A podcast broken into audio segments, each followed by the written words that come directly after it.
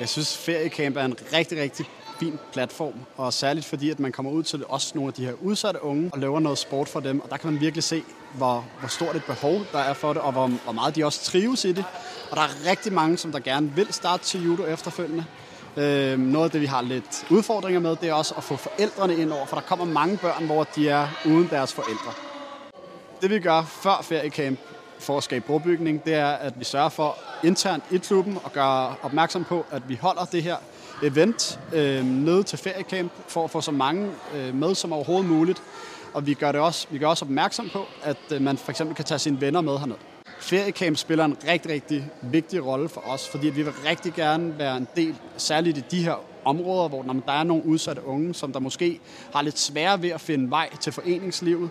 Så der vil vi gerne være repræsenteret, for vi mener, at den korteste vej til foreningslivet er der, hvor aktiviteterne er.